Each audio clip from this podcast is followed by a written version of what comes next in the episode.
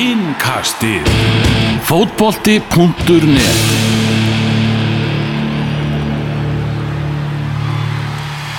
Komið sæl og verið velkomin í Evrópu innkastið mánudagskvöldi 25. november Elvar Geir hilsar frá Reykjavík og í vestmannegjum er Daniel Gen Moritz ef að göfuð lofar, ertu þannig Daniel? Já, já, já, já, ég er heldur betur hér Já, hvernig eru eigurnar að leika við núna? Það er nú norðan átt Að og það er besta áttin í eigum þá verður stilt og fallegt veður og pínu kallt og ég er náttúrulega alveg nú fyrir austan þannig að ég hata ekki ef það sést eitthvað smá kvítt svona á þessum ástíma Já, samt- þú, þú vilt hafa það þannig. Já, það var svona ógislega fyndið þegar ég ég er náttúrulega flutti síðasta sumar eða sagt fyrir rúmi ári síðan.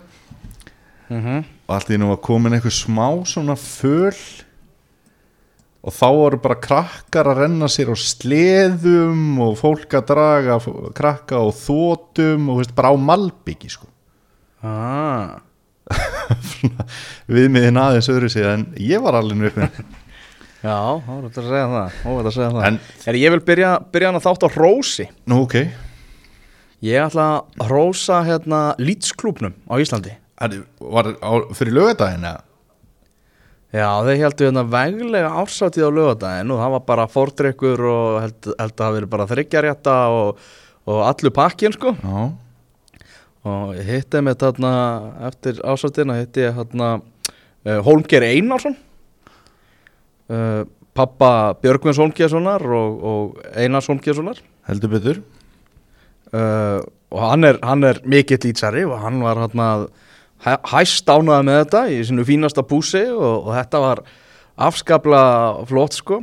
Og gauður sem heitir Me- Mel Störland sem var hérna heiðusgestur kannski ekki svona kannski allir hlustendur sem að kannast við hann en hann var ennsku mistari 1992 með með Leeds.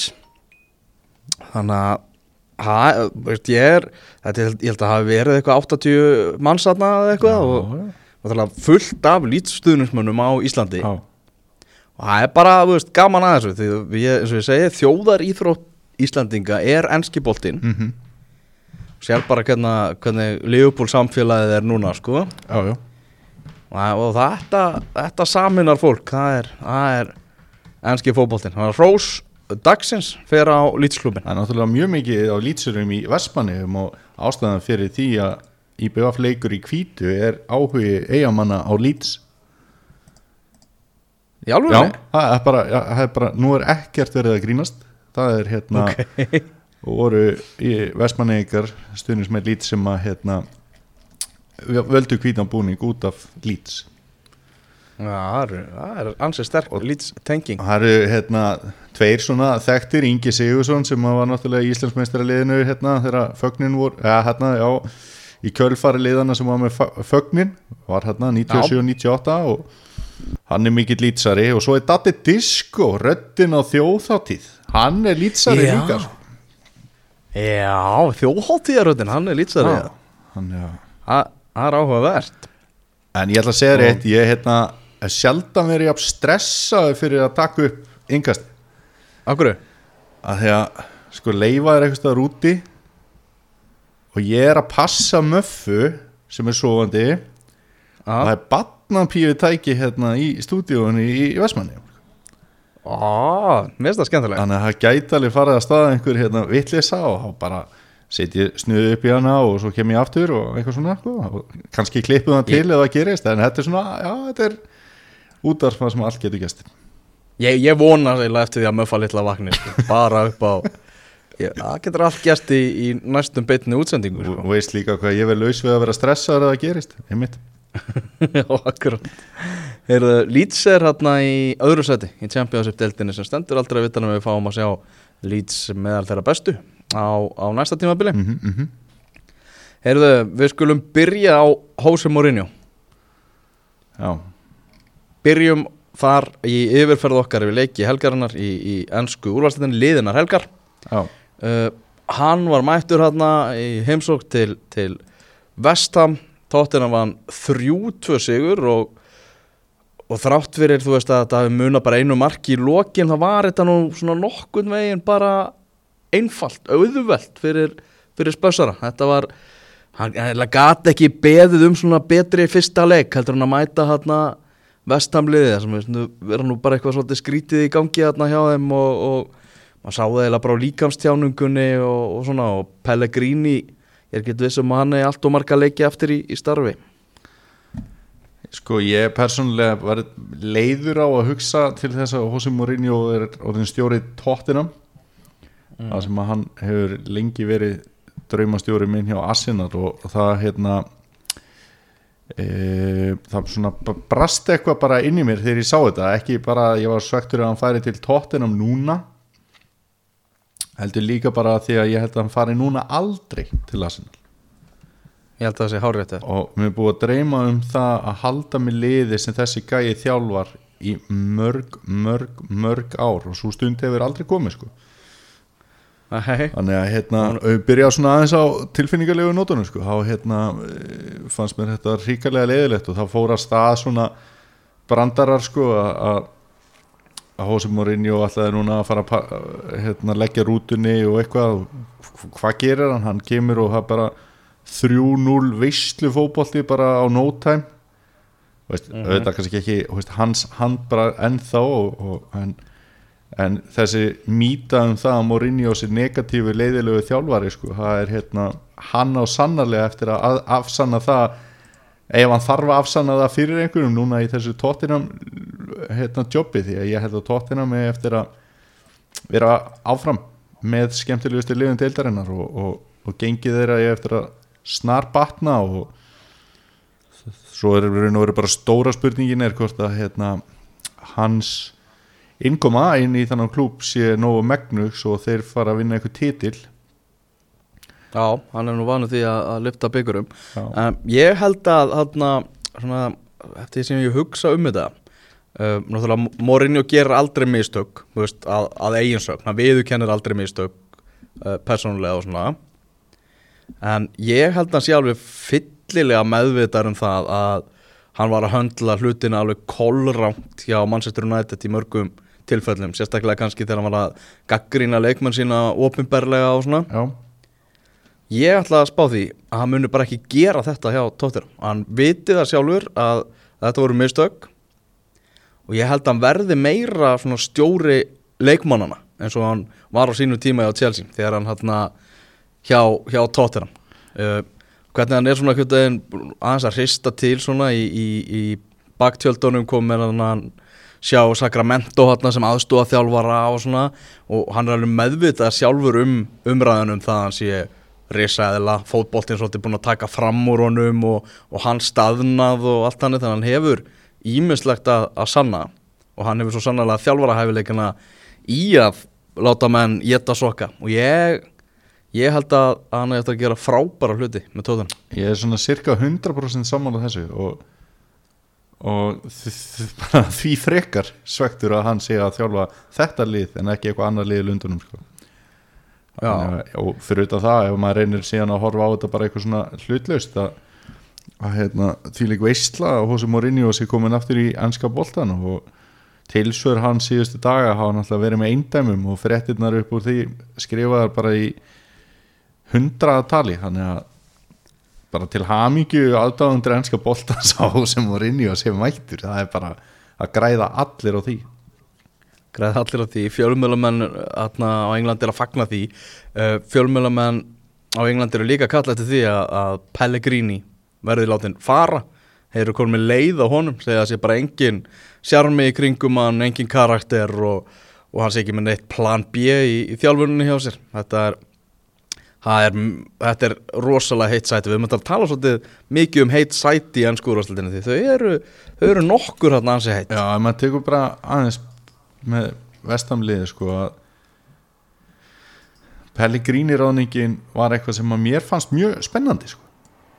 Eitthvað- Já, það voru ekki allir á, á sama máli og þú rætti nú og töluðum nú um það með hérna, einhvern þekktasta vestamæðdáðanda landsins er það ekki Gilvi Orrason?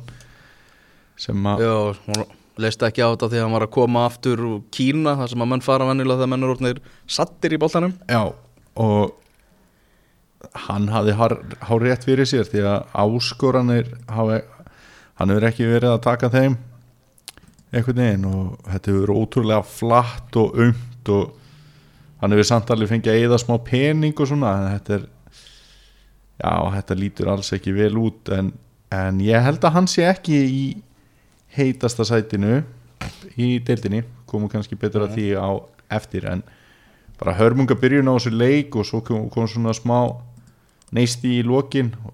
Og Mikael Antonio skoraði svo mikið svona jakslamark hann svona, hann svona tuðraði þessu bara einhvern veginn í netið og er náttúrulega mikill jaksl og, og ætlaði að hleypa einhver svona neista í þetta en gæði tóttina voru nægt til þess að loka þessum út í sigri og þar, þar með jafnaði Hossi Mourinho árangur sinn með unna leiki og útivelli við Una Emery, þeir hafa sérst unni jafnmarka leiki og útivelli á tímabilinu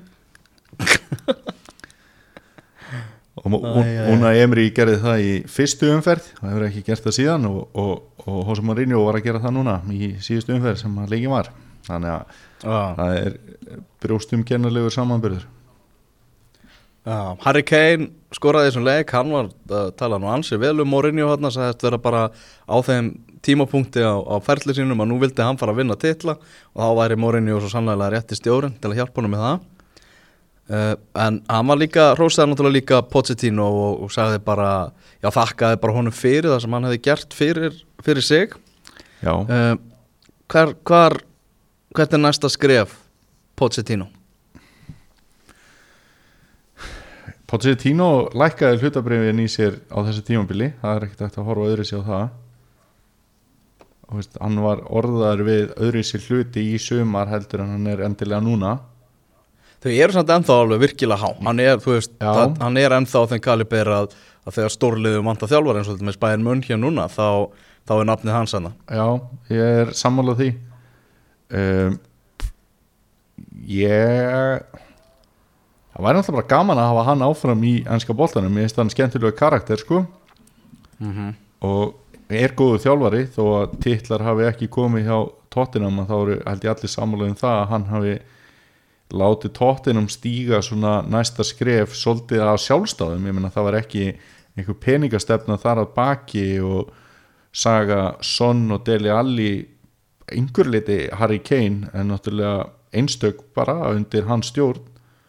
Uh, hafa ná að vera búa til svona marga svona góða leikmenn eins og þegar þeir flugu sem hæst í tóttinantriðunni, það er ekki eitthvað sem að við ólumstu uppið á að horfa á, ég meina þá var það David Sinola og Puntur og, og, og hérna hafa hafa náttúrulega alltaf verið og þar á undan kannski Jörgin Klinsmann og, og þar á eftir Robbie Keane, veist, þetta har ekkit verið margir veginn svona algjörir stjörn, já, svona jafnmargir góðir og eru í dag Djúvel fór alltaf Darren Anderton í tögarnar á mér. Það var eitt lélögu leikmaður sko. Já, er þetta ekki og er þetta ekki sammála, þú veist, svo komst hann alltaf í ennska landsliði og hann var svona ennska landsliði átt aldrei vinstri kantmann. Og hann Já, var alltaf settu þar á tíma sko. átt að vera, svo var alltaf að tala um hann sem einhvern aukaspyrnu snilling það var nú eitt frá Manchester sem að breytti allri hugsun um aukaspyrnu snillinga á þessum tíma síðan, sem betur mm því líku þrótarleikmaður já. en var samt eitthvað svona tóttinam kvöld híró sko. þannig að já, já, auðvitað verður Positino minnst sem einum af betri stjórum í sögu tóttinam það er að segja bara að segja alveg þar. Já, já. Og Pochettino verður bara um ókomin ár hérna í, í leiknum sko. Já, já, ég, ekki spurning. Mm -hmm. Heyrðu, förum yfir í stórleik helgarinnar. Þegar það sem að uh, Manchester City mætti Chelsea. Uh, Ég var búinn að spá Sigri Chelsea í þessum leik en, en ekki hafði ég rétt fyrir mér þar. Nei. Þetta var eiginlega skrítin leikur. Já, samt ekki skrýtnasta leikur helgarinnar. Nei Nei, komum að honum að eftir en, en hérna að þetta var maður var einhvern veginn að ekki að sjá Chelsea klúra þessu eftir hvernig þeir byrjuðu leikin en svo einhvern veginn komu þessi mörg bara svolítið að sjálfu sér einhvern veginn hjá City. Eins og markið á til brúni það er náttúrulega mjög mikil hefni hvernig boltin fer í mann og annan áður en hann fer á hann og svo svo fer hann líka í manna á leiðinni í marki sko. það eru þrjú í raun og veru afgerandi deflection í þessu marki sem að veist, þetta er algjör meistarahefni sko. mm -hmm. þannig að hérna, ég held að Chelsea menn geti verið spældir að hafa ekki tekið meira út úr þessu leik með að hvernig leikurinn spilaðist Já, lokala og taka fórstuna náttúrulega í leiknum Já, og taka fórustunum allir leiknum ég, maður er núna veit maður ekkert alveg hvernig hvernig leikmaður manni finnst engal og kanti en til að vera? Þú veist, hann skoraði náttúrulega geggja markarna, það var ekki á móti Liverpool, sem að hann spólaði sig í gegn og lúður á hann svo bara í vinkilin og þetta var svona þetta var svona seglumarka veginn. En samt gæði, veist, geggja hlaup út að hann hefur alltaf verið álitinn svona makalele típa sko, sem hann er ekki, hann er miklu betri fótballtamaður þannig að hérna já, þetta var svona, hann spyr, lætur maður spyrja þessi spurningar sko. mm Haugur Harðarsson var alveg trítil óður hérna í, í stúdíónu á Símanum uh, yfir því að Mason Mount hafi ekki verið látið byrja leikin hjá, hjá Chelsea. En þetta er svona erfitt fyrir Lampard að búsla þessu saman þegar svona margi leikmenn er að spila vel og til dæmis Matteo Kovacic sem að margir vildu bara kasta út fyrir hafsöga af Chelsea stundismönnum á, á síðasta tímabili. Hann er búin að gangi gegnum enduníun lífdæða undir stjórn Lampard. Já, það er óvægt að segja. Hann var náttúrulega vægasagt umurlegur í fyrra. En og átti til dæmis sendinguna á Engolo Kanti í markinu, held ég sé alveg örglega að fara með rétt mál mm -hmm. hann er búin að koma vel inn í þetta en er hann ekki samt líka svolítið að fá svona að njóta góðs að því hann er hættur að vera lélugur að þá er svona mikið talað um að hann sé eitthvað góður ég held að, ég held að það hjálp honum en hann hefur samt alveg verið góður en það kemur svona ekstra því hann er hættur að vera svona rosalega slagur Mm -hmm. já, já, svo náttúrulega var Púlisins lengi í gang og, og þá var Mason Mount að spila rosalega vel þannig að þetta er svona luxusvand Þetta er lúksusvandamál Já, algjörlega og vandamál sem við sáum kannski ekki að myndi skapast hjá Chelsea á þessu tímabili í ljósi Doldils. Mm -hmm. Rodri, hann var frekar þungur hérna hjá sitt í þessum leik og, og Aguero náttúrulega meiðist verið frá næstu vikurnar. Það er þannig að hann Jésús vinnur okkar að fara að fá um, fleiri spilminútur, það er meiri, meiri ábyrð á hann. Hvað ætli sko ef það kemi hérna lofsteinn á jörðina og allt myndi eyðast og þá nú við talað um að kakalaka myndi lifa af og eitthvað og einhver Já. svona hlutir sem myndi lifa af svona sko. Veist, þá er að, þá er að sveita félagi fljótsdalsreppur og austurlandi það er ennþá til sem maður vill bara ekki saminast neinu. Og svo er það Fernandinho sem besti djúpi miðum að mannstu sitt í Já, það er bara, það er búið að koma hérna Fernando Di Michelis var einhvern tíma fengir hann til að taka hann út. Alls konar kallar núna er þessi Rodri og hann bara, hann er ennþá lang bestur af þessum gæjum sko. mm Og- vorum, vorum með Jóa Má í, uh, í útastætturum okkar á lögðan þannig að ef þið eftir að hlusta það þá er það svona smá Mourinho og Chelsea yfirferð. Virkilega gott útvarp. Já, Jói, hann, hann bara veit allt og mikið sko. kemur náttúrulega í gennum úlingastarf yngasins hann er Já, já, hann var að segja það.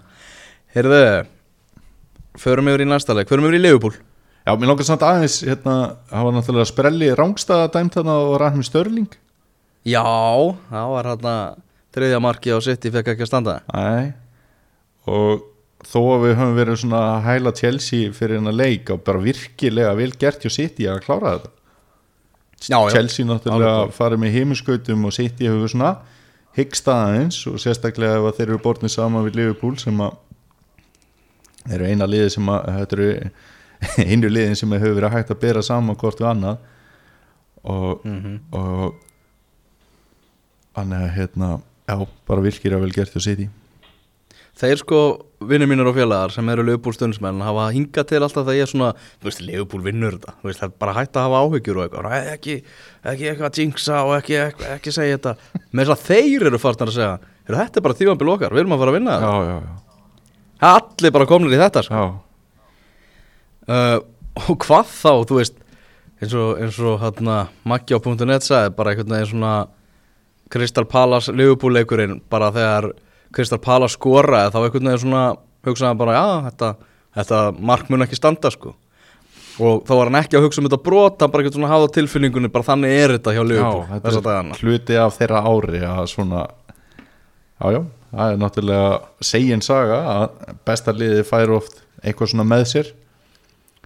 Já, og það, það var hann að fara hann um uh, svona photoshopu mynd af svona skjá á velli þar sem að á að standa svona var niðurstaða og þá stendur bara svona var það sem Liverpool vill. Já, já, já, það hafi verið, verið niðurstaðan. Svo voru einhverju Liverpool menn sem að láta þessa umræðu farið töðan á sér og eru búin að finna einhverja samantækt á því að, að þeir séu ekkert að græða meira en aðrir á, á varinu og ég veit ekki hvað og hvað. Nei. en var er allavega ansi ábyrrandi í Liverpool-leikin Já, og það er náttúrulega auðvelt að auðvelt að hérna að, að var sér stór hluti í Liverpool-leikjum eða við bara sóknar tengilið í Liverpool með, með Manni og Sala, það eru leikmenn sem eru líklegið til að búa til var augnablík já en það var Dejan Löfren sem að allt í einu gæti ekki staði í lappirnar við að fá smá svona klapp á bakið.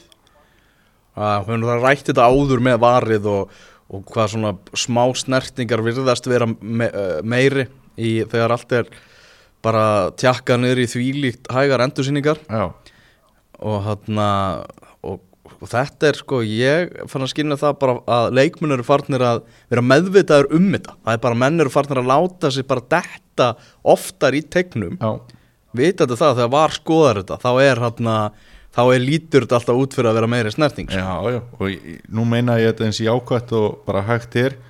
Löfren er gæið til þess að gera svo, svoleiði sko Veist, hann er tilbúin til að tegja sig aðeins lengra og fara að svifi reglur til þess að vinna fótballtaleik sem, sem er kannski akkurat sem að og vantar í liðin sem við höldum með einhverja svoleiðis karaktera.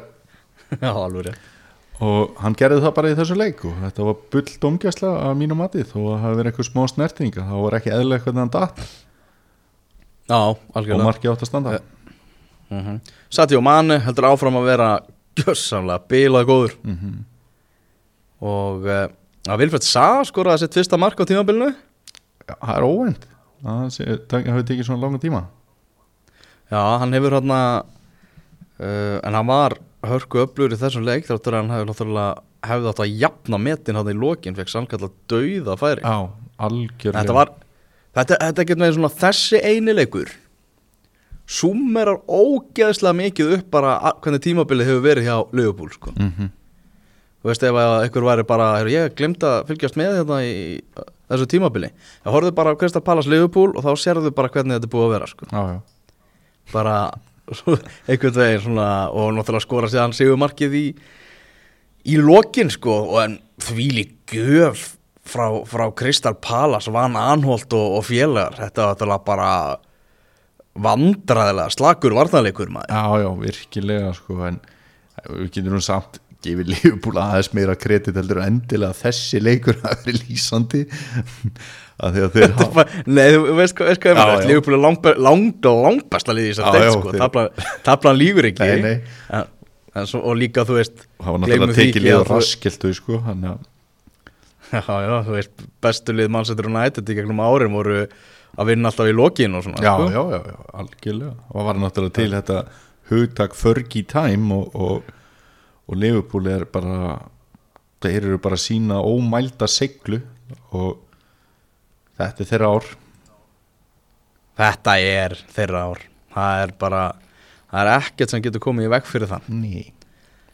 Uh, Næsti leikur sem við ætlum að skella okkur í Það eru, jú, förum bara í þína menn Förum í Arsenal Southampton 2-2 Ég sá nú að einhverjir Arsenal stjórnusmenn á, á Twitter voru eiginlega bara fúlir yfir því að Arsenal hafi jafnað þetta hérna í blá lokin því að, því að það myndi örgulega bara lengja aðeins hérna líflínuna hjá Unai Emery Ég var að sjá að uh, Gary Neville var eitthvað að tala um að það væri uh, menn væru tvístigandi að það væri sundruð stjórnin hjá Arsenal í afstöðu sinna á því hvort að Unai Emery væri já, rétti maðurinn til, að- til að halda áfram með liðið sko.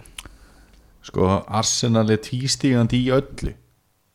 Og hefur verið lengi. Mannstu þegar að kom hann flugvelin með vengar átborðan Já, og þá kom bara hérna, einhver vengar innborði í annari flugvel bara rétt og eftir sko. þetta var bara arsenarlegasta sem maður hefur séð sko. Mér finnst sko með leikmannópin í Arsenal bara vantar svo mikið menn sem að axla ábyrð það er bara einhvern veginn svona mar, mar, margir sem einhvern veginn fljótir að hengja haus í mótlæti sko. það er ekki spurning sko það maður hefur líka á tilfinninguna að, að tilfinningunni að það, því sé ekkert ítla tekið. Veist það kemur enginn og býtur aður hausin eða ert að sína eitthvað mótlæti. Og eða, eða missa hausin eða já, bara þetta er rosalega karakterslust og og ég, held að það sé nú auðvelt að skilja tilfinningu þeirra sem vonuðu bara úr því sem komið var að Arsenal myndi bara tapa leiknum. Og það að það er held ég engin Arsenal aðdáðandi sem vill að Emery sé áfram. Eða þeir eru allavega mjög fáir. Ég er vorkjani Unai Emery. Já, Sko það sem ég vorkjani unum helst fyrir er hvað hann er orðið mikill grínkall eða þú veist já svona, hann náttúrulega þú veist talar uh, dabra ensku eins og margótt hefur verið talað um en er að reyna þú veist og hugsaði bara ég ætla að byrja bara alltaf að tala ensku og svo verð ég bara betri í henni. Mhm. en nú hefur einhvern veginn svona núna þegar ekkert gengur og eitthvað þá, þá er hann orðin einhvern veginn svona hálfpartin trúður í viðtölum einhverju svona eftirhermur að leika hann og menn að gera grína að hannum og með þess að sko spyrjandunir er að gera grína að hannum sko. Það var bara, þú veist, eins og núna um helgina það var bara já, gút afternoon, eh, Emery. Þetta var nú ekki gút afternoon hjá þínum mönnum í dag og eitthvað svona, já, þú veist, og honum fannst þetta ekkert fyndið, sko. Nei. Þetta er, svo, þetta er svona, þetta er nánast bara einelti, sko. Já, já, menna þetta er náttúrulega orðið svona dead man walking dæmi með hann og, og hann verður náttúrulega ekki langlífur í stjórastól Arsenal en þetta er engin hálfviti sko. Nei, nei, og veist, það, er, það er alls ekki þannig og hann hefur náttúrulega gert heilmart sem stjóri á sínum ferli og þess vegna færa hann þetta starf. Og það verður ekkert tekið af honum þó að hann hafi hérna, klúður á þessu. Ég, ég, ég er til dæmis næsta víst vissum það að það eru lið á spáni sem vilja fá Una Emery ef hann fer frá Arsenal já, alveg, alveg klálega hann er náttúrulega, þú veist, með flott reputation þar Já, og kemur svona, þú veist, og bara þvílík virðing borin fyrir honum þar og eitthvað, svo kemur hann til Englands, gengur þetta illa, gengur erfiðlega að tala tungumáli og hann er alltaf innu bara algjör sprellikall, þú veist, í augum þeirra sem eru í anska já. sko. en það er náttúrulega líka bara þú veist, þessa grettur hjá honum og hvernig hann ber sig einhvern veginn utan vallar og, og þessi viðtöl eru náttúrulega nokkuð pínlega sko. En mér finnst einhvern veginn bara svona, svona þetta aumingja fas þú veist, þegar allt er að fara í vittlisu þú veist, hann er einhvern veginn svo hann er svo meðvitaður um það að hann er ekki að fara að ná að breyta þessu. Og það er það sem maður skinjar maður væri freka til í að sjá eitthvað bara rífa kjaft og, og, og, og klúra sínum málum þannig sko. Já, já, nákvæmlega. og veist, hafa einhverja smá reist sko. það er eins og hann stjórni ekki í neinu þarna þegar kemur að einhverju leikmannadæmi þeir gera bara það sem þeir vilja Já, og þetta er bara voðalega mikið öðri sem maður vil sjá eh, hafandi sagt það hvað, hvað, hvað, hvað viltu sjá? Hvað viltu sjá í stólnum? Já, ég ætla að mynda að segja, hafandi sagt það ég er ekki sannfæður um að Una Emery veri reikin á þessu tímambili Ok, að Norwich í, í næsta leik Já, akkurat og og veist, ég er ekki auðvitað er það líklegra en ég er ekki samfæður um það ég, hann á bara þetta ár eftir og ef Arsenal er ekki klárt með stjóra sem að þeir vilja fá á þessum tímapunkti þá er engin ástæða til þess að reka hana því að þetta tímabili kortið er langlegin að farið í súgin mm -hmm. þannig að hérna já, og það er frekar svona anti-Arsenal eitthvað að reka þjálfara núna þú veist, með hvernig hlutinir hafa verið. En það er eitthvað að vera að tala um Arteta sé að gefa, gefa Arsenal undir fótinn hann sé tilbúin að mæta fund já. Mér finnst svolítið gaman sko, við erum eftir að tala betur um sólskir og eftir sko, en mér finnst svolítið gaman að sjá svona United legend þjálfa United sjá Frank Lampard með Chelsea. Og þannig að maður er svona farin að hugsa er, er komin tími á bara Patrik Víera að koma til Arsenal? Er það eitthvað svona fá meira Arsenal í Arsenal og eitthvað svona lalala. Arteta tekkar einhver leiti í þau bóks fyrir utan að hann var hluti af frekar döbru Arsenali var ekkert til að vera tekið. Mm -hmm, og, og svona nýður sveiflunni hjá Arsenal þegar Arsenal fer úr því að vera stórveldi í lið sem að menn fóru að gera grína að Mhm. að þá var hann svona ábyrrandi í því liði. Uh, hann er alltaf búin að vera í þessum Guardiola skóla og það vilja öll liði heiminum spila svipaðan fótbolta og Guardiola hefur löngum gert. Þannig að hérna, hann geti alveg verið spennandi kostur en er ekki Allegri svona svona vitrænasta bettið í, á þessum tímapunkti? Jú, ég hef mikla trú á Allegri. Já, ég held að hann sé með mikið bein í nefinu og getur komið þarna og okkur vantar ekki einhvern svona auðmjúkan gæja sem að nálgast þetta verkefni að geigvænleg, geigvænlegri virðingu sko. Sko Allegri auðmíkt er ekki til hjá honum Nei, sko. okkur vantar einhvern sem kemur og segir mönnum að grjót halda kjafti þeir séu búin að vera ömurlegir og þurfa að fara að gera þetta öðruvísi Já, og var ekki, var, ekki, var ekki Allegri sem að bara yfirgaf hérna eiginkonu sín á altarinu Já, Já. Það er auðmíkt er ekki til hjá honum sko. Að þú veist, á, á meðan Emery eins og hann er búin að haga sér hann væri sko, ef að konan hans myndi taka við annan kall á altarinu þá væri hann bara svona ekkert mál. Þú veist, það er svona væpi sem hann er að gefa sko, hann verðist ekki vera neitt höggur í honum. Já, er bara að fara með honum í staðin ekkert mál. Bara svona, Já, en Svekki að þetta verið sáðan að fá þetta jöfnunumarka á sig? Þeir eru náttúrulega í fallsæti eru með nýju stig, það var ekki gengið verið stig á söfnunin hjá þeim. Nei, og þeir áttu bara skilið að vinna hann að leika á miklu leiti sko. Klauvalegt hjá Pól Týrni hérna þetta víti maður. Já uh, Kýrantyrni Já, já, já, Kjera Týrni já, að hérna Já.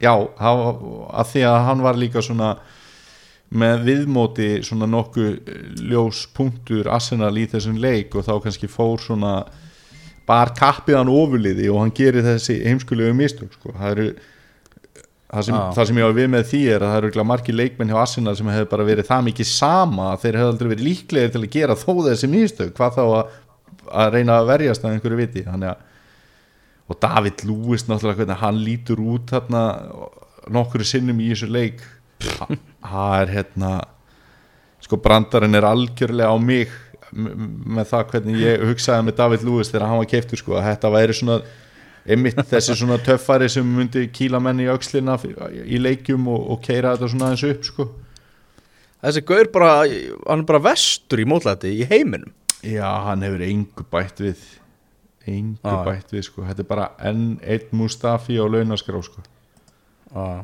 Pól Týrni er náttúrulega hann á dómarinn allir þessu skildir en? Þeir eru alltaf að maðra sinir það er alltaf að maðura sinnir Já, hann, þannig, þannig er það. Hver verður næsti stjóri sem verður látin fara? ég held að það sé Marco Silva stjóri Everton. Já, förum í Everton hérna rétt á eftir.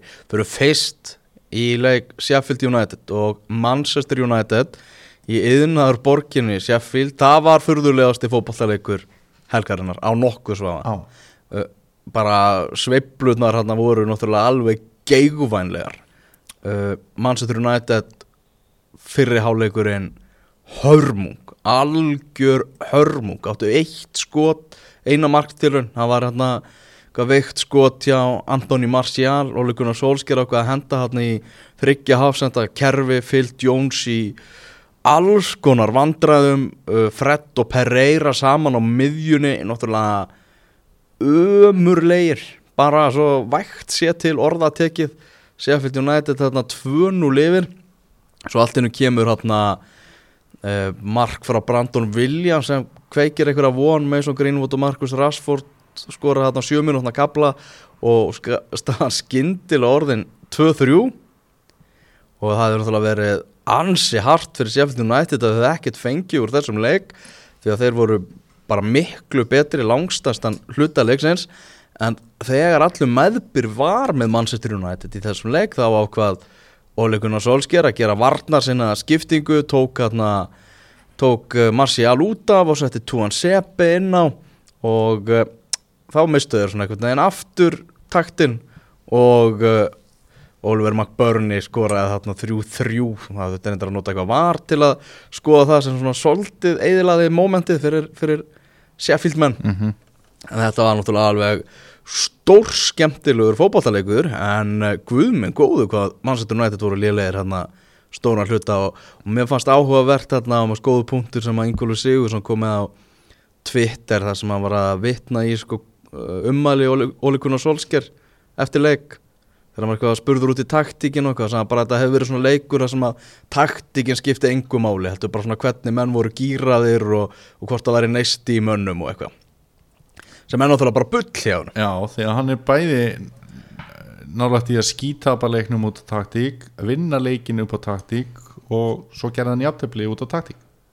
Já, þetta var bara taktík, taktík, taktík Já, já, sko, og, já. taktísk, og taktíska breytingar sem breyttu, hlutunum og, og allt það sko þannig að það er náttúrulega bara algjör algjör bull hjá, hjá Solskjær í, í, í, í þeim efnum. Þetta er, Þetta væri er- hægt að taka þetta er- þennan leik og setja hann inn í eitthvað svona in-play management bara námskeið sko. Já, veist, það er bara hérna, algjörlega þannig. Hann ætla að gegja þetta fyrsta marka United, júvel hitta hann boltan hérna Williams. Já, þetta hann er, alveg hann er frábært mark já, hann er svona búin að vera hvað ljósasti punkturinn hjá United svona upp á, upp á síðkastið.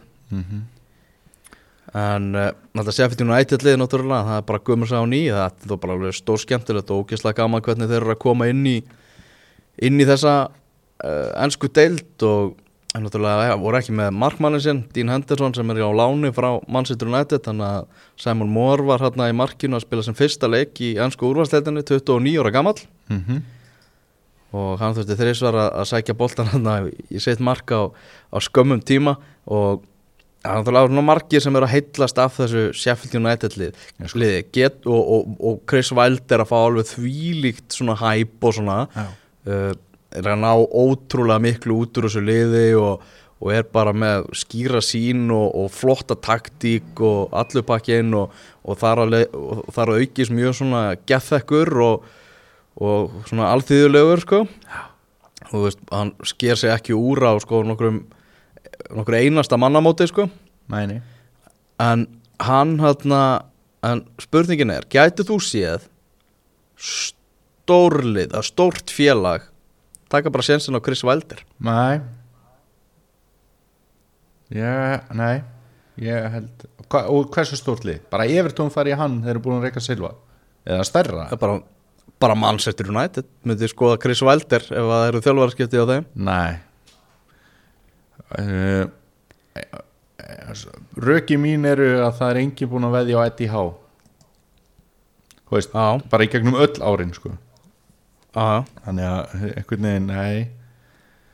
Ég held ekki sko ok, ok. En ég var ógeðslega ánægða með Oliver McBurney sem að er náttúrulega svona stekkurinn sko. Ég, að ég dýrka hann að gæja sko. Já, Hann skildi koma hann og, og skora þetta mark og, og það var náttúrulega aldrei hendi. Það mjög mörgum sekundum með eitt í ekki neitt. Já, kom svona, þú veist, fyrsta endursýningir þá hugsaði maður, hm, er, er þetta hendi? Svo kom hérna góð endursýningar sem að sást þetta var bara öxl, sko. Já, já, akkurat. Það En, sem var alveg, hver fannst þér, hver fannst þér lélegastur í Manchester United? Phil Jones. Phil Jones fær, fær það, en það fær alveg harða samkeppni frá Pereira og Fred, sko. Já. Ég var svona að spá í það, veist, ef að þú er alltaf að lána með pening og ég myndi ekki borga það tilbaka veist, hvað þyrftir um mörg skipti til að fatta að þetta virkar ekki? Það þýðir ekki að lána Já. með pening Já, nákvæmlega og það er 2019 og, og bara undir lokás og Phil Jones er að byrja leiki á mannstjónu sko. hversu heimsku þetta er sko. og, og Solskjær er nota Pereira aftur og aftur og aftur og aftur að lungu komið í ljós að hann er ekki nægilega góður til að vera í að þú veist, vera í Manchester United liðinu eins og Manchester United vill vera ég sko. ætla enga veginn að bera það samt saman sko. við erum að tala um fokkin Phil Jones þetta er bara er einhver mesta hörmung sem hefur komið fyrir mannstjónu United veist, mér er Smalling tíu sinni betur en hann og alltaf fundist. Manchester United er núna nýju stegum frá fjórða sætinu þegar 13 umfyrir eru búnar. Fjóri sigurleikir í, í 13 umfyrum þetta stegasöfnun er bara til skammar fyrir, fyrir félagi Já, já, við erum svona þjáningabræður á pari einhvern veginn bara með þessi fyrrum stórveldi sem að haga sér eins og litli klúpa bara. Og, og hérna ég held að við getum glemt í að já, og veist, við erum, við erum heppnir ef við getum hort á 50. spólt á næsta tímabili sko. Já, þá nú eiginlega bara freka að vera utan Európa-sætis er Þannig að, að þú veist, Europa League gefur líka sæti í mestaradeldinni, Daniel já, já, það er alveg rétt en þú veist, tóttina með núna ennþá fyrir neðan United og Arsenal og ef að, ég ætti að gera upp á milli þessara þryggja liða þá myndi ég leggja Arsenal og United svolítið að jöfnu og tóttina með líklega að enda fyrir ofan þessi bæjarlið. Mourinho effekt Við ætlum að svona, já, snerta á öðrum leikjum. Myndum staðins á, á Marco Silva sem á náttúrulega stund, stundismenn Evertón sungu bara þú verið reikin á morgun. Mm uh, þegar Evertón tapaði fyrir Norvits 0-2 en það gerist ekki, það er ekki ennþá búið að reyka hann. Nei, það er ótrúlegt Já, maður heyrði að einhverjum krísufundi á Gútinsson park í gæra þarna hefur bara allir hátsettustu menn félagsins verið komnir saman undir sama þak og, og hann hefur með þess að verið kallar og fund sjálfur Marko Silva og eitthvað það er nú þannig að, að hann er ennþá í jobbið þegar þetta er tekið upp Mhm. en maður veit aldrei hvað gerist Dæni Ertu sammála mér að hans er líklegastu til að vera reikin? Já, svona líka þú veist miða við heftin og reyðin í stuðnismörnum verðist vera svona mest hann sko. Já. Það var sungið hæst einhvern veginn þú verður reikin á morgun hjá honum Já, já. Og svona, já með, ég, ég myndi, jú, ég er, ég er sammálaðar í, í því. Þetta var bara alveg hörmunga leikur hjá Evertón okkar maður Gilvi með bandið og fekk hann að vonda dóma. Mm það er bara hlutinir er ekki að tikka hjá, hjá þessu liði. Um, Todd Cantwell skoraði náttúrulega fyrra marki á Norwich skemmtilegu leikmaður. -hmm. og hann hann ég sá það að þeir uh, fóru síðan á lögataskvöldinu hann að Norriðsmenn og, og, voru, voru með grímuball eða voru mætt á grímuball. Já, já, já. Og Todd Cantwell hann var í hann hann var sem Anton Grísmann Það er þetta geggjað sko. Það veist það er alveg vel góð líkindi með þeim sko. Já, já, og hann var bara hann full kit vanger bara Anton Grísmann hann í, í búningadóttinu sko. þannig á þetta að vera sko. Uh, Norveits uh, samt sem áður ennþá í, í, í fattsæti en það getur komast upp úr fattsætinu þegar þeir uh, vinna Arsenal um, um helgina. Uh, aðrir leikir Bournemouth Wolves 1-2 endur leikar þar og sko Úlfatnir náttúrulega hófuð þetta tímabil og undan öðrum út af þessu Evrópu dóti sko Mhm. en það hefur ekki haft mikil áhrif á það þau eru í fymta sæti deildarinnar Já, og eftir líka slaka byrjun í dildinni sko. þó að þeir hafi Já. farið svona fyrra stað inn í þetta og þetta áðurgreindum ástæðum og þá var þetta ma- maður held einhvern veginn bara svona já, er þessi úlfabladra bara sprungin sko, þegar þeir skemmt okkur heldur betur á síðasta tímabili en það var náttúrulega algjört sprellimark í þessum leik þegar hérna Adama Traori fekk að hlaupa bara einn í heiminum til að gefa fyrir á híminna sko. Bara, Adam að tráari, það er einn af, skemmtilegum mönnum þessar að deilda já, já, minna, bakverður þarna var með ADHD fyrir allan peningin sko, dettur út bara eins og hann hafi verið að reyna það sko. Og svo náttúrulega skoraði Moutinho Mark Helgarinnar eða hvað hann fyrir að það langt með það sko.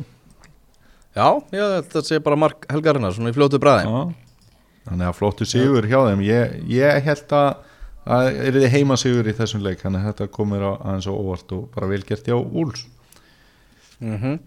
uh, Harvey Barnes var frábær fyrir Leicester sem að vann uh, 2-0 sigur á móti Brighton, 2-0 útisigur. Og bara Leicester heldur áfram á, á, á, á sinni braut og bara erfitt að sjá já, augljóð svona veikan hlekk á, á, á þessu liði, Já. Leicester. Á sunnudaginn mætaði þrótaliði Everton uh, á heimaðli lestiðir King Power hann að þeir fara með solid þrjú stíg úr þeim leik. Já, Evertón er að fara náttúrulega í alveg rosalegt prógram sko. Herri, ég ætla einmitt að koma með pælingu með það. Já, Ef að þú værir bara hérna, hæstráðandi hjá Everton mm. og mætti gera bara það sem þú vilt og hvort myndið þú láta Silva svona fara í gegnum þetta erfiða prógram og svo kemur einhver stjóri inn? Mm eða gefa nýjum stjóra þetta erfiða prógram? Ég hef mitt pælt í þessu líka bara svona, þú veist, hvernig þetta lítur út fyrir stjóra sem er að spá í að taka við Evertón ef það myndu skiptum stjóra, sko. Bara, veist, bara, getur bara byrjað fyrstu fimm leikina bara með tapi, sko. Já, Bara núlstig úr, úr fyrstu fimm leikjunum, sko. já, Reyndar eru United og Arsenal þarna, þau þurfa nú að fara að vakna eitthvað ef alltaf, ef, ef það á illa að fara fyrir Evertón, sko. já Ég með nefnilega svona nokkuð skýra sína á þetta Ok, hvað er það? Ég myndi alltaf taka nýja stjóra núna Ok, og svo myndum við bara nálgast að þannig bara herði, það er engi pressa. Núna færð þú bara fimm fáránlega leiki hérna í undirbúinu stímabil bara öll, öll stígasöfnun sem kemur núna er bara pluss Mhm. við erum samt Evertón auðvitað var náttúrulega ættu við að geta slýsast á úslit í einhverjum af þessu leikjum. Það er engi pressa. Nú mátt þú bara svona finna þess út úr þessu og svo byrja bara móti hjá þér eftir þessa törn. Mhm. Það var einhver tíma hvort það var ekki í bara Pepsi-dildin eða eitthvað það var eitthvað lið sem að fekk fáralegt leikjaprógram bara hérna hvort það var bara í veist, 2018 tíma hvort það var einhver nýlegar eða eitthvað fengu bara fjóra bara ræðilega leiki til að byrja á Mhm. og þá var einmitt var sagt já við ætlum bara að nálgast að þannig að móti hjá okkur myndi byrja eftir fjóra leiki það er bara plúsa Já, allt eru sem bara- þeir eru náði já, já, að ég myndi, ég myndi alltaf kýla á þetta svona. Já, já. Uh, Votford 0, Burnley 3 það stutti Jóa Berg. Hann ætti að vera bara jafnvel í, í næsta leik en hans var allavega ekki saknað í þessu leik gegn lélegasta liði deldarinnar því að Burnley vann hann 3-0 sigur, Chris Wood, Asle Barnes og Tarkovski með mörkin. Það var náttúrulega djóku með það þegar Chico Flores var ráðinn að hann væri samt líklegastu til að vera reikin í deildinni sko. Þetta verið alltaf ekki það var ekki mikið byrt til síðan að hann mætti. Nei og þeir hati ekki að reika stjóra hérna í Elton John og félagar. Eða veist, hann er örugglega ekkert inn í þessu núna en hérna mikið Nei, hann er aðeins hættur að vera með putan í þessu. Á fyrir megandi og frægasti stuðnismæður á nokkuð svafa þetta var nú einhvern veginn pubquiz spurning hjá okkur líka. Já, með, hvaða liði heldur Elton John? En þetta, þetta er bara tímabilið sem að Votvort fellur, er það ekki?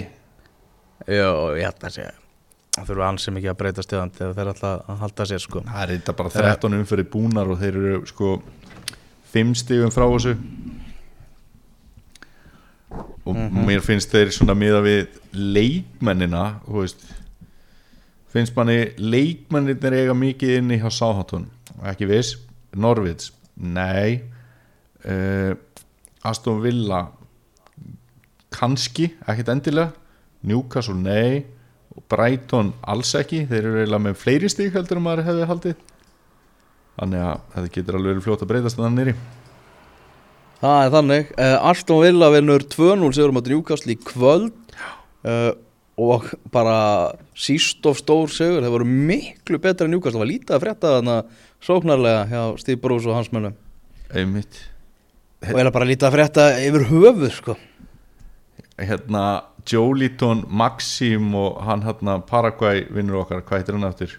Mm, Almiron. Almiron.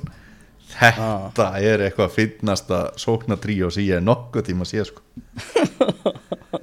Já, það er, ég, það eru, eru ræssir og sko við erum að tala um hérna, lita, dretta og svo er hinn með einhvern veginn hérna, einhvern veginn öðri sér lita.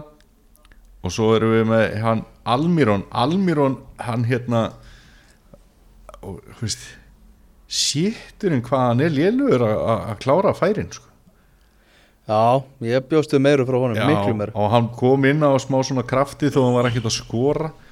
Og þá var einmitt hérna í leiknu þá var Maxim búin að hlaupa bara upp allan vöttin rosalega, springja í þeim gæja og gefur á Almirónu, hann átti bara eftir að leggja hann fyrir sig og skjóta og veist, hann gæti ekki einu sem lagt hann fyrir sig veist, það er voðalega lítið sjálfstöðst þarna. Við tölum um þetta svolítið um hennan gæja þegar hann kemur í dildina, þú varst með hérna, langa kynningu á honum og, og, og við vorum að velta því fyrir okkur veist, er þetta sem kom að skala, bestu leikmennir og MLS verði bara keiftir í hanska boltan mm -hmm. þá er hann nú ekki verið að greika þeirra leið.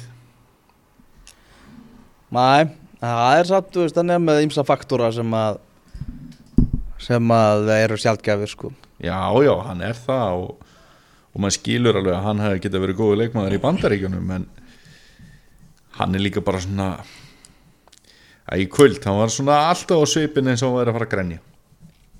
Já, ég ætla að trúa því ennþá að, að hann á eitthvað að, að rífa sig í gang sko. Ég ætla ekki að útiloka hann strax sko. Æ, ok. Uh, þannig er það allt saman. Við lítum aðeins kannski á uh, Önnurlönd, Barcelona og Real Madrid bæði með 28 stiga á Spáni. Uh, Gareth Bale náttúrulega í, í vandræðum. Já, Real Madrid mm. baulað á hann af Já. uh, eftir hann að borða hana sem að fór nú illa í, í marka Já, í marka og marka þegar hann er að fagna Sigri Veils Já, hann er mikið búið að tala um það að hann sé eiginlega bara svona hanga á þessu samningi á Real Madrid og vilja bara spila golf og, og eitthvað. Mm -hmm. og þá var þetta stóða sem borða hérna Wales Golf Real Madrid í þessari röð. Mhm. og hérna þetta fannst mörgu spánverunum ekki fyndið. Og ég held að sé bara hann þurfa bara að koma sér sem fyrst hérna í, í burtu sko. Ég er með næsta lið fyrir hann. Og það er tóttunum Það er tóttina, já. Já, já, Erstu samlaða? ég sammála. Tóttunum á hann. Já. Uh, á Ítalíu. Ég sá hérna Dybala var að tala um það að það var skemmtilegra að spila undir stjórn Morucci og Sarri heldur en Allegri. Já, ég held að það sé já, þetta er svona með fá kannski meira, meira frálsræði hjá, hjá hjá Sarri. Ég líka. Og svo svona kannski var ekki Paulo Dybala hann átti ekki alveg fast sæti undir stjórn Allegri sko. Nei.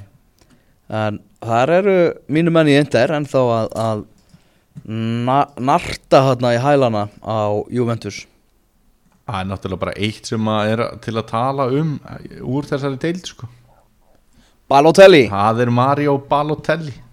Förum í Balotelli hot Daniel, hvað er að frétta af okkar manni? Herði, hann er í veseni. Áframhaldandi vesen á Balotelli. Já, þjálfari og meira vesen. Þjálfari hérna Brescia uh, æskuliðs Balotelli og núverandi liðs Fabio Grosso.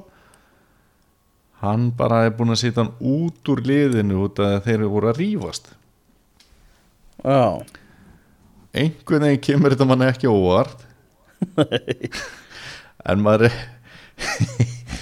maður er samt þetta er leiðilegt, það er ekki að hlæja. Þú, þú tókst svo brenglu viðbröð sko. Og veist, að því að ég er raunverulega leiður yfir þessu sko.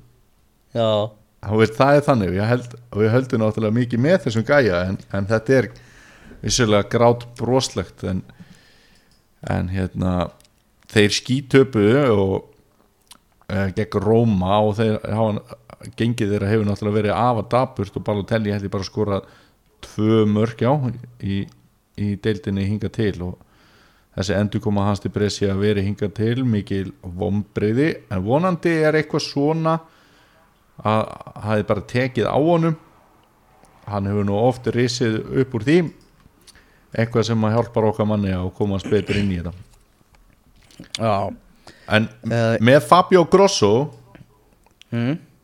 og veist hver er frægast að spilna hans á ferlinum, ekki?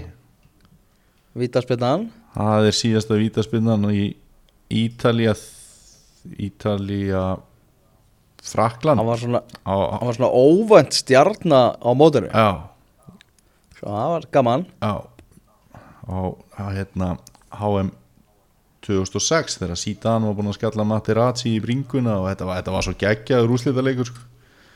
mm þó að hann hafi farið í vítu og eitthvað þannig sko. hann er það, hann er það Herðu, í, í Þýskalandi já, Það er bara sorglegt að þetta er akkur tímabilið sem að þýski boltin er ekki síndur á, á Íslandi sko. Búið að rempast við að sína þetta og núna þegar allt er gjörsamlega í hnúti í þessari deild Mönhjan Gladbach er hérna með einstegs fórustu RB Leipzig og Bayern hérna strax á eftir og, og búið sér Dortmund í alls konar vandræðum. Uh, Lucian Favre er bara hann hangir algjörlega á bláþræði hans starf hjá, hjá Dortmund þau voru að gera þrjú-þrjú jafntefli hérna á móti neðstaliði deildarinnar Paderborn. Mm -hmm. ég skal bara segja hérna við fjallegamenn þegar þessi leikur er í gangi ég bara heyrðu Paderborn er þrjún og lifir hérna móti Dortmund Herri. Er Pader, Paderborn er þetta, þetta byggarleikur eða? ég var nú bara með þér í þessum bjór Já, já, þú varst í bænum já, já, já, já Þetta var hérna, þetta er, þetta er magnadæmi sko Þetta er algjörlega magna dæmi og það er eiginlega svona jafn spennandi eiginlega þegar Dortmund er að hefja leik að sjá byrjunarliðið og bara hvort að hann stýri Favre stýri liðinu í leiknum sko. Veist, þetta er það, það mikill bláþráður. Þetta helsti stuðnismað bæðin munn hérna á Íslandi uh, Þórir Hákonarsson Já, Hann vill að Hans Dieter Flick sem að hefur núna verið hann á flottum árangri og hann er mjög ánægð með hvernig bara bæjarinn að fara að spila eftir að, eftir að hann tók við stjórnantöfunum hann vill að hann bara taki þetta út sísoni það reyndar ekki alveg rétt því að hann vill meira að Hankes klára þetta Já, það er reyndar. Það er hann að eitt. Já, Það er hann það fyrst að nú- kannski svolítið óraunhæft á þessum Já, tíma. já. En jú, Þannig að hann er að fli, flikkar á vagninu. Já, var, ég minna fólk hefur nú þróast bara í það að verða stjörnur bara með því að fá eitthvað svona óvænt tækifæri og það geta alveg gæst með hann. Já, nákvæmlega. Er eitthvað annað í Evrópuboltanum sem sem að þú vilt uh, koma að? Nei, ég held að þetta hafi nú bara verið skrambi gott hjá það sko. Það er uh, meistaradeildar vika. Alltaf AC Milan gerir jafntefli á móti Napoli. Er eitthvað þetta að lesa í þau? Þú veist, ég var eitthvað svona og veist, þá var talað um eitthvað. Þetta var á, á San Siro og var talað um að þetta hefur svo rosa gott jafntefli á Milan og eitthvað, verið að reyna að tala Milanliði eitthvað upp í því samhengjan og jafntefli á móti Napoli. Já, S- lýsir það ekki bara þrótastöðinni á Milan bara gríðarlega vel? Jú, 13. seti í, í deildinni. Það er ekki, er ekki, ekki alveg á, á Milan standard sko. Nei. Mæ, uh, Já, mistaradildin Meistaradeildin, hvað er hérna? Framöndan í beinni eða stötu sport uh, Það er búið upp á Real Madrid, PSG City Shakhtar, Tottenham Olympiakos og miðvíkudaginn þá er Liverpool Napoli, Barcelona Dortmund. Nú, hvað sagði, Real Madrid PSG Já, það er Real Madrid PSG á, á morgun. Mér finnst það nú vera svona Þetta eru tvö góð fótbollalega Já, mér finnst þetta áhugaverðast að viðregnin sko. Fyrir utan alltaf kannski Napoli Liverpool, það er alltaf bara gaman að sjá hvað Liverpool ætlar sér að gera. Og mm en já, ég myndi, að- ég myndi að, að, að vera að fara þetta farið að krafti á stað núna eftir landsleikarlið, það er bara fótballaleikir út í gjössanlega eitt og alltaf gaman þegar svona Evrópakeppninar tengja helgarnar saman sko. Já, nákvæmlega. Þannig að það Daniel, ég þakka samfylgdina í kvöld. Já, sömulegis, Bless, bless. bless, erum öff að svafa allan tíman Herru, hún svaf allan tíman Vel gert. Vel gert, til að mikið með það möffa Ertu í vandræði með að finna leikin? Hann er pottið hjá okkur. Erum einnig með poolboard, pílu, gott á grillinu og enn betra á dælu. Sportbarinn Ölver, skemmtilegasti barinn á Íslandi.